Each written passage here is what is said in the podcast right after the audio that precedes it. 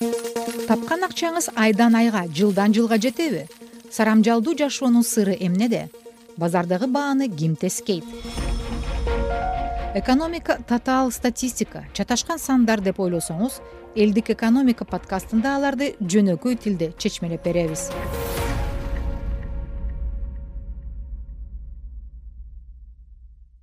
Саламатсызбы азаттыктын угарманы ободо элдик экономика подкасты. Мен бакыт асанов азаттыктагы элдик экономика түрмөгүнүн автору кубат айбашев менен бирге экономикадагы окуялар э, тенденциялар жөнүндө э, анализдегенге аракет кылып келе жатабыз. Кубат саламатсызбы?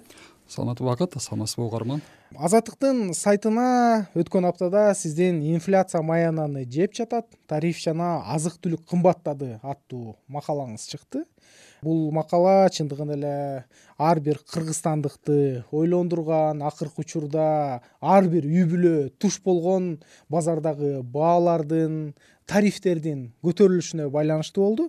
Анан сиз макаланын башында эле өлкөдө базар баасы кандай болуп атат? Соңку бир жылда баалар кандай өзгөрдү деп өзүңүз суроо салган экенсиз кандай өзгөрүптүр? Бул суроого кандай жооп таптыңыз? Рахмат бакыт. Э, өзүңөр айткандай эле соңку айда ушул январь айында жылдын башынан бери э, коомдун көңүлүн ошо базар баасы буруп турат да. Негизинен буга түрткү болгон э, маселе пияздын баасынын кескин өсүп кеткени болду. Ошол себептен базарга барып сатуучулардын сатып алуучулардын пикирлери менен тааныштык ал жерде сатуучулардын пикири азыркы учурда негизинен азык түлүктүн баасы мындай салыштырмалуу туруктуу эле дейт. Бирок бир аз бир аз казакстандан кирген товарлардын азык түлүктөрүнүн баасында бир аз өсүүлөр бар. Орусиядан келген товарларда негизинен туруктуу эле убактылуу деп атышат. Анан пияздын баасына келсек пияздын баасын негизинен соңку эки жумадан бери бир эки эсе өсүп кетти. Мурда отуз отуз беш сомдон сатылып аткан пияздар азыр алтымыш алтымыш беш жетимиш сомго албетте бул шак абага да айланып ошо пияз саткандардын ирбити жүрүп атат деген сыяктуу сүрөттөрдү тамашаларды чыгарып атышпайбы ооба бирок бул көрүнүш мен байкагандан бул бизде эле эмес экен да кыргызстанда эле эмес экен. Бул жалпы э, аймактык э, тенденция жүрүп атыптыр. Өзбекстан казакстанда дагы ушундай эле кырдаал аларда дагы жакында ушул январдын ортолор негизи дээрлик башынан бери эле биринчи өзбекстан экспортко тыюу салды. Алардын өздөрүндө тартыш болуп атат экинчиден андан кийин казакстан тыюу салды. Андан эки күн өтүп биздин кыргызстандын өкмөтү дагы тыюу салды да. Буга эмне себептен мындай болду деп көңүл буруп көрдүк. Ал жерде сатуучулар айтып атат.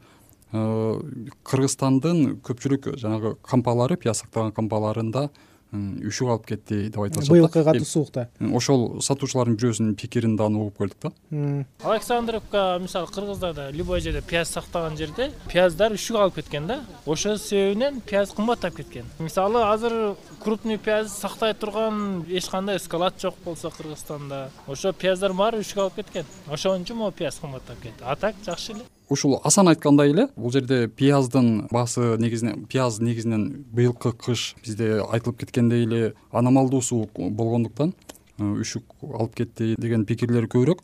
Бирок экинчи дагы бир себеби бар. Негизинен пияздын сатуучу өлкө бул пакистан болуп эсептелет да. Пакистанда былтыр суу каптап ошол көпчүлүк түшүмдөрүн алып кеткендиктен ал жакта түшүм аз болуп калды андан тышкары бизде борбор азиянын аймагында өзбекстан менен казакстанда негизинен сатуучу пияз сатуучу экспортерлор болгондуктан аларда дагы өздөрүндө түшүм азыраак болуп калыптыр. Бул биринчи себебинен. Экинчи себебинен ошол быйылкы кышта суук алып кетип анан өздөрүнүн товарларынын көлөмү азайып кетти да. Ошол себептен ушундай кырдаал пайда болуп калды азыр. Ооба пияздын баасы кескин өскөндүктөн. Буга өзгөчө көңүл бурулду бирок акыркы учурда пияз эле эмес башка азык түлүк товарлары кымбаттап жатканы жөнүндө мына өзүбүз деле көрүп жатпайбызбы маселен мурда базарга дүкөнгө киргенде э, миң сомго башка көлөмдөгү азык түлүк алсак азыр киргенде ал өтө эле азая түшкөндүгүн байкап атабыз да. Анан жалпысынан базардагы баалар э, расмий түрдөгү статистикага таянганда анан сиздин изилдөөңүзгө караганда акыркы бир жылда канчага өстү азык түлүк негизинен э, биз улуттук э, статкомдун маалыматына таянчу болсок расмий түрдө акыркы кездери бир он беш он жети пайызга өстү деп айтып алышат да. Эми ар бир товар ар башка болуп атат. Бул жерден эң көп өскөнү кумшекер менен ун азыгы болуп атат. Жыйырма жети жыйырма тогуз пайызга чейин азыркы учурда ошондой болуп турат да. Өсүү. Былтыркы жыл башынан бери азыркы учурга салыштырганда. А бирок былтыр апрель май айларында бир кескин өсүп кайра түшкөн да. Ал эми азыркы учурда бир аз отурукташканы анан эми былтыркы жыл менен ушул мезгил менен салыштырганда буудай менен күн карама майынын баасы ошо дээрлик былтыркы деңгээлде болуп турат. Бирок жай айларында бир көтөрүлүп түшкөн алар деле. Анан азыркы учурда эң аз өскөнү азыраак пайыз менен көрсөтсөк бул жумуртканын баасы он бир пайыз болуп турат. Анан эттин баасы он үч пайыз анан буудай менен нандын баасы он беш пайыз ал эми сүттүн баасы он жети пайызга өскөнү көрүнүп турат да статкомдун маалыматы боюнча. Алардын себеби эмнеде маселен эми буудай нанды сырттан импорттоп алып келерибиз э, белгилүү бирок ошол эле эт э, жумуртка деген сыяктуу азыктарды кыргызстандын ичинде өндүрүү э, басымдуу бөлүгү өндүрүлсө керек эле туура айтасың бизде эми жанагы социалдык э, тогуз э, маанилүү болгон тогуз азыктын үчөө менен гана өзүбүздү өзүбүз камсыздайбыз да. Бул э, жумуртка сүт жана жашылча менен калгандары баягы бизге импорттук товарлар да. Алардын баасы бир аз салыштырмалуу туруктуу болгону менен негизинен импорттук баалар кымбаттап атат да. Бирок баардык эле товарлардын баасына таасир кылган нерсе бул инфляция болду да быйыл. Инфляция кескин өсүп кетти. Жыл башынан бери ошол февраль айында февралдын ортолорунда ошо орусия украинага кол салгандан кийин ал жака жапырт санкциялар салынып анан жанагы чынжырчалар үзүлгөндөн кийин товардын кириши бизге кириши бир топ үзгүлтүккө учурап ошол себептен баалар кымбаттап кетти. Бул бир жагынан ошол импорттук баасы жеринде импорттолгон баасы кымбаттады. Экинчи жагынан валютанын курсу өсүп кетти. Ал өзүнчө жүк болду да анан бул жерде бул ошол эки фактордон тышкары дагы бир үчүнчү фактор чыгып атат да. Бул жерде жеткирүүчүлөр жана дистрибьюторлор ассоциациясынын президенти гүлнара өскенбаевага кайрылганыбызда ал дагы белгилеп кетти. Анын айтымында биздин э, өкмөт быйыл жанагы салыктык реформаларды жүргүзөбүз деп бир топ өзгөртүүлөрдү киргизген ал жерде ишкерлерге карата бир топ мындай жүк артылып калган да. Ошол себептен дагы алар ошол артылган жүктү товарга товардын баасына кошуп анан ошол себептен бул үчүнчү фактор болуп атат да баасынын өсүшүнө. Э, мало того что вот есть вот эти экономические факторы. Тескери таасир кылган экономикалык факторлор аз келгенсип мыйзамдарды башкаруудагы өзгөрүүлөр дагы бизнеске кесепетин тийгизди. Былтыр жазында электрондук эсеп фактураларды киргизүүдө көзөмөл кассалык жабдууларды алмаштырууда көйгөйлөр болду. Бул административдик процедуралар. Ачыгын айтканда бул бюджетке каражат алып келбеген бирок бизнеске артылган жүк бул салыктын өзү эмес. Салыкты жыйноо боюнча кошумча жүк. Көрдүңөрбү? Бул жүк алгач бизнеске артылат андан ары барып калктын мойнуна отурат. Анткени бизнес кошумча тартып жаткан баардык чыгымдарды баага кошот. Бизнес өз чөнтөгүнөн чыгым тартып иштей албайт. Антсе жабылат жана мындан эч ким утпайт. Атка минерлердин арасында бирөө жабылса башкасы ачылат деген пикирлер бар. Мен муну абдан дилетанттык кептер деп айтаар элем. Эгерде кимдир бирөө тамак аш товарын сатам деп келсе кампа завод менен келиш керек. Заводко келсе алар ишкерди кымбат баа менен берет алдын ала толук төлө дейт транспортчулар менен макулдашат. Тийиштүү транспортчуга эмес башкасына барып алып товары башка жака кетип калышы мүмкүн. Иш жүзүндө ушундайлар дагы өтө көп болгон. Бизнес деген баары эле жасай алчу иш эмес. Жок баардык жерде өзүнүн өзгөчөлүктөрү өзүнүн көйгөйлөрү бар. Алгач жаңылып мүдүрүлүп жүрүп тажрыйба топтойбуз. Бирок биз тажрыйба топтогончо калк жабыр тарта берет. Но пока мы будем набивать шишки население будет страдать эми албетте инфляция жөнүндө да сурагым келип атат бирок ага чейин мен макаланы окуп жатып менин мындай көңүлүмдү бурган негизги нерсе күйүүчү майга болгон баанын өсүшү анан жана сиздин диаграмма график аркылуу бергениңиз болду да э, акыркы бир жылдагы э, улуттук статистикалык комитеттин расмий маалыматына таянып жасаган графикаңыз ошо баанын кандай өсүп жатканын мындай айгинелеп көрсөтөт экен да. Э, күйүүчү майга болгон баа э, акыркы учурда чындыгында эле өстү аны сездик. Бирок жакында ушул э, анын баасы күйүүчү майга бензинге болгон баа арзандайт деп жатты эле. Бул жакта мындай бир Э, жагымдуу жаңылык барбы жагымдуу жаңылык буюрса бар. Нефтетрейдерлер ассоциациясы жана экономика министрлиги э, алдын ала келишип макулдашуу түзүп атышат. Алардын алдын ала жарыялоосу боюнча жакынкы күндөрү ушу февраль айында беш алты сомго арзандайт баасы ошо элүү эки сомго чейин түшөт деп атышат. Эми акыркы жылдардагы тенденциясына келсек биз негизинен күйүүчү майдын да импортко көз карандыбыз да. Импорт болгондо бизде эми орусиядан негизинен алып келинет. Ошо токсон жети токсон сегиз пайызы күйүүчү майдын орусиядан келет да. Орусиянын өзүндө баа кымбаттады экспорттук баасынын кымбаттады да. Былтыр бизге алты жүз алтымыш э, миң тоннадан ашуун бензин келсе анын токсон сегиз пайызы орусиядан келди андан тышкары үч жүз миң тоннадан ашуун дизелдик отун келди. Анын дагы бир токсон сегиз токсон тогуз пайызы орусиядан келди. Анан эми баасына келсек азыркы учурда былтыркы январь менен азыркы январдын ортосунда баа дээрлик мындай окшош эле болуп турат. Мындай алганда себеби соңку кездери бир аз түшүп атат да баа. Жалпысынан алганда тенденция былтыр апрель май айларында бир көтөрүлүп кайра түштү да. Сексен процентке чейин өсүп кеткен учур болду окшойт ооба бензиндин баасы төрт сегиз пайызга чейин көтөрүлдү апрель май айларында. Ал эми дизелдик отундуку сексен пайызга чейин көтөрүлүп кетти да. Бул ошо бир жылдын аралыгындагы баа да ал эми эки миң жыйырма биринчи жыл андан мурунку жылдын январы менен бааларын салыштырсак аи токсон эки жана аи токсон беш маркасындагы бензиндин баасы алтымыш беш жетимиш пайызга чейин көтөрүлүп турат да азыркы учур менен салыштырсак.